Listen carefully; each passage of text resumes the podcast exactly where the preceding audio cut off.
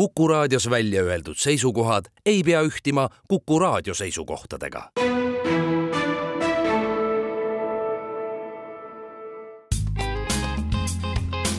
ettevõtlusminutid. saadet toetab Eesti Kaubandus-Tööstuskoda tere, head Kuku kuulajad, eetris on Ettevõtlusminutid ja me räägime täna sellest, kuidas tööturg muutunud on ja millised on tööle minejate ootused. mina olen Ingela Virkus ja koos minuga on stuudios tööandja brändingu agentuuri Instar Eesti ja Soome tegevjuht, asutaja Kersti Vannas. tere! Microsofti Eesti Arenduskeskuse tegevjuht Tanel Erm. tere ka minu poolt! ning Apollo Grupi Baltikumi ja Soome personalijuht Kristiina Tinn. tere! Instar viis kevadel läbi üle-eestilise töötajate eh, tööootuste ja tööandja maine uuringu, mille jaoks küsitleti siis Eesti tudengeid, õpilasi ja erinevate valdkondade töökogemustega inimesi eh, ning septembri algul tutvustasite tulemusi ja jagasite siis välja ka aukirjad Eesti kõige atraktiivsematele tööandjatele toome siis mõned näited juba välja ka, atraktiivsemaks valisid tudengid eh, LHV Panga ja kutsekoolide õpilaste hinnangul oli kõige atraktiivsem Apollo Grupp. mida mõeldakse üldse atraktiivse tööandja all, et milline peab siis olema üks atraktiivne tööandja? võib-olla siin ongi see küsimus, miks üldse olla atraktiivne tööandja. et eriti praegusel hetkel, kui võib-olla majanduses me kuuleme, et ei lähe kõige paremini. et ma arvan, see vastus tööandja vaatest on see, et atraktiivne tööandja annab võimaluse olla jätkusuutlik tööandja. et olla see eelistatum tööandja täna, homme, ülehomme ja tegeleda selle nimel, et ka need, kui majanduses hakkab paremini minema aasta-kahe pärast või kiiremini, et siis äh, saab ka leida need inimesed kiiresti turult, mitte see ei võta kaua aega mis võib-olla veel nagu ma tooksin välja, et milline on atraktiivne tööandja nagu üleüldises vaates, et hästi laialt ja lihtsalt öeldes atraktiivne tööandja on see tööandja, kes suudab pakkuda enda töötajatele head töötamise kogemust ja samamoodi seda välja näidata, nii et ka teised kõik kuulevad ja teavad. ja mis on oluline, et see ongi, et kõik need lubadused, mida välja näidatakse, need tegelikult peavad vett, et walk and talk, et ei ole niimoodi, et lubame ühte, kuid tegelikult on midagi teist maja sees. et see teebki tegelikult organisatsioonist atraktiivse tööandja, kes suudab enda lubadusi pidada. kas see kõik tuli välja ka uuringutest? jaa, tuli küll, et me oleme neliteist aastat äh, tööootusi uurinud ja Eesti atraktiivsemaid tööandjaid välja selgitanud, igal aastal üle kuue-seitsme tuhande inimese vastab sellele uuringule. ja mida me nagu näeme, et sageli tuuakse välja, et need atraktiivsed tööandjad on need tööandjad, kes suudavad pakkudagi, ütleme üks asi tõesti, suudavad pakkuda seda töötasu, mis on normaalne, kuid see on hügieenitase. see on hügieenitase nagu, et ilma selleta tõesti nagu me käimegi palgatööl, meil on raha vaja selleks, et elada, see on normaalne. aga mis nagu võib-olla siis teeb sellist tavalisest tööandjast atraktiivse tööandja, on see, et see tööandja, kes suudab nii-öelda hoida, väärtustada töötajaid, pakkuda seda võrdset ausat kohtlemist ning pakkuda siis lõpuks seda tööd, mis tähendab võib-olla natuke rohkemat kui see, et ma olen hommikust õhtuni nagu ära üheksast viieni või mis iganes graafiku alusel, vaid et see annab mulle ka inimesena midagi Kristiina ja Tanel, kas see, mida Kersti rääkis, kas teie näete ka kõike seda enda töökohtadel, et peab see paika, on sellised ootused tööandjale? No tulles tagasi selle esimese küsimuse juurde, et et mis üldse teeb tööandjast atraktiivse, siis tegelikult on hästi äh, äh, oluline mõelda nüüd, et kelle käest seda küsida, et kas sa küsid seda omaenda töötaja käest või sa küsid seda inimese käest, kes äh, võib-olla on äh, kuulnud sinu ettevõtte nime ja võib-olla ta väga palju sellest rohkem ei teagi. et seal hästi palju on ikkagi seotud sellega, mis mulje on see bränd jätnud ja loomulikult äh, tööandjad ise ju äh, pingutavad selle nimel, et olla tuntud äh, ja olla atraktiivne ka inimeste jaoks, kellel varasem kokkupuude selle ettevõttega puudub. Ja noh, näiteks Microsofti näitel äh, üldse tarkvara valdkonnas on äh, konkurents väga tihe ja, ja sõltumata sellest majandussituatsioonist me siiski palkame inimesi juurde. Ja meie jaoks on äärmiselt oluline, et ka täiesti siis tipptalendid oleksid kursis sellega, et, et nad tahaksid tahaksid meile tulla esimesel võimalusel. ja töö, ja mis puudutab töötasu ja hüvesid, siis äh, noh, tarkvara ja IT-valdkonnas on on, on need numbrid muidugi suuremad ja, ja need ootused on suuremad ja seda me näeme ka siis, kui me oma äh, potentsiaalseid tulevasi töötajaid intervjueerime, et need ootused on, on siiski tugevalt kasvavas trendis ja me ei räägi ainult põhipalgast, me räägime boonustest, me räägime aktsiaoptsioonidest, me räägime äh, kõikvõimalikest äh, lisapuhkustest, me räägime äh, tasuta lõunast äh,, noh, sellised ütleme, IT-firmades on suhteliselt levinud kõikvõimalikud sellised tervishoiu ja, ja, ja ka muud, muud hüved, et ikkagi seda tipptalenti saada.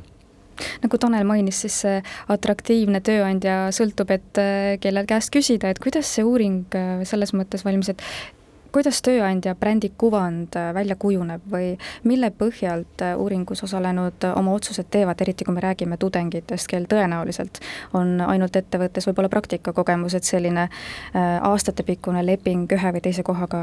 võimalik, et veel puudub mm. -hmm. et me andsime siis vastajatele ette nimekirja organisatsioonidest ja küsisime, et palun hinda, kui huvitatud sa oled antud ettevõttes töötamisest. ja seal sai hinnata siis ühest kuni nelja punkti skaalal, üks ei ole üldse huvitatud, neli ei ole väga huvitatud. viies variant on, ma ei tea organisatsiooni tööandjana võib-olla teangi brändi, aga kui ma ei tea teda tööandjana, siis ma ei saa ju hinnata, et kas ma tahan seal töötada või mitte. nii et see kindlasti mõjutas seda nagu äh, hinnangut ka. aga nüüd need, kes siis said hinnangu anda, siis mille alusel nemad hindasid, et tegelikult eks need kõik need erinevad kokkupuuted, need mõjutavadki seda hinnangut, kuid need kokkupuuted, üks asi võib-olla on siis see, et mida tööandja ise on teinud. Nende, ütleme, kui võtame see tudengite kutsekoolide sihtrühma, kas nad on käinud karjäärimessidel, kas nad on olnud lektoriteks, kõik need nii-öelda teadlikult loodud kokkupuutepunktid, need on teadlikult organisatsiooni poolt loodud või mida nad sotsiaalmeedias teevad, kuidas nad näitavad enda siseelu väljapoole. Kuid lisaks sellele nagu äh, mõjutab kindlasti ja väga suurel määral äh, nii-öelda potentsiaalse tööotsija huvi mingi ettevõtte vastu ka siis selle ütleme, olemasoleva töötaja soovitus. et kui ta kuuleb sõbra-tuttava käest, kes seal on töötanud, mida tema tegelikult arvab, või siis ta kuuleb sõbra-tuttava käest, kes on kandideerinud sinna, milline on nende kandideerimiskogemus, et need sammud hakkavad mõjutama seda, kas ma üldse tahan kandideerida või mitte. et siit me jõuamegi tegelikult selle juurde taaskord, millest me alustasime, et see töötaja kogemusest sealt algab kogu see tööandja bränding peale, kui sul töötaja kogemust ei ole, on sul väga raske nagu lubada mingeid asju välja ja noh, võib-olla siin ongi see nagu oluline asi, mida kõigile tööandjatele võiks soovitada, et et teades, et teie töötaja on see kõige võimsam värbamisvahend selles suhtes, et tema soovitus on kõige võimsam kõige usaldusväärsem. et siis tasuks nagu uurida oma töötajalt, et milline on nende soovitusmäär kui neid värskeid tulemusi siis varasemate aastate tulemustega võrrelda, siis mis on võib-olla kõige selline äh, üllatavam või suurem äh, muutus ma ütleks niimoodi, et äh, mingid muutused on sellised nii-öelda pikaajalised trendid, mis on siin neljateist aasta jooksul nagu kogu aeg muutunud, muutunud, et see võib-olla ei ole üllatus, aga äh, kui esimesel, ütleme kuuel aastal oli töökoha valikut äh, mõjutavate tegurite puhul kõige olulisem nagu tegur, ähm, huvitav ja arendav töö siis äh, viimase nii-öelda vii-, viie-kuue aasta jooksul on seal väike nii-öelda nagu muutus toimunud, et sealt tagantpoolt on ettepoole tulnud võrdne aus kohtlemine. nii et äh, ütlekski niimoodi, et viimastel aastatel, ka käesoleval aastal number üks töökoha valikut mõjutav tegur on see võrdne aus kohtlemine. et mitte ainult see, mida mulle pakutakse. no ja sellega seoses siis kohe tulebki kõik see muu asi ka, et, et hästi palju on muutunud, ütleme, kompensatsioonipaketi nii-öelda vaates ka see, et mida hinnatakse, et jah, kui kompensatsioon kompensatsioonipakett, palk on ees, aga sealt edasi tuleb kohe see, et võimalus saada lisavaba päevi, vaba aega. et see töö või palk versus vaba aeg, et see vaba aja poole läheb kogu aeg see ootus nagu kaldu. eks sealt tuleb ka see paindlikkus, paindlikkus nii töökoha kui tööaja mõttes ja noh, mis sealt veel tuleb, ongi siis võib-olla ka selline huvitav asi, et me oleme küsinud ka, et kus kohas siis nagu vastajad sooviksid töötada, millises sektoris praegusel ajal on avalik sektor muutunud veidike nagu äh, nii-öelda ihaldusväärsemaks ebakindlatel aegadel, aga mis võib-olla on jälle trend, on see, et soov saada ettevõtjaks see kasvab igal aastal, sel aastal ka kakskümmend neli protsenti vastajatest sooviksid saada. Ja võrreldes siis nii-öelda nagu algusaegadega äh, huvitav nii-öelda muutus on see, et kui me küsisime ka, et kui paljud praegu siis on need ettevõtjad, et varasematelt taheti saada ettevõtjaks, kuid ei oldud ettevõtjad, siis nüüd nagu nende äh, vastajate osakaal, kes tegelikult ongi ettevõtjad on kasvanud, et see on taas see tööandjatele nagu see tugev soovitus, et vaadata üle enda töökorraldus, töövormid, et pakkuda seda ettevõtluse võimalust, ettevõtlikkust nagu enda organisatsiooni sees. Sest et ega kõik ei taha olla alati nagu ühe mehe firma omanikud, kuid tegelikult see ongi see koostöö tööandjatega on võib-olla see üks pool ka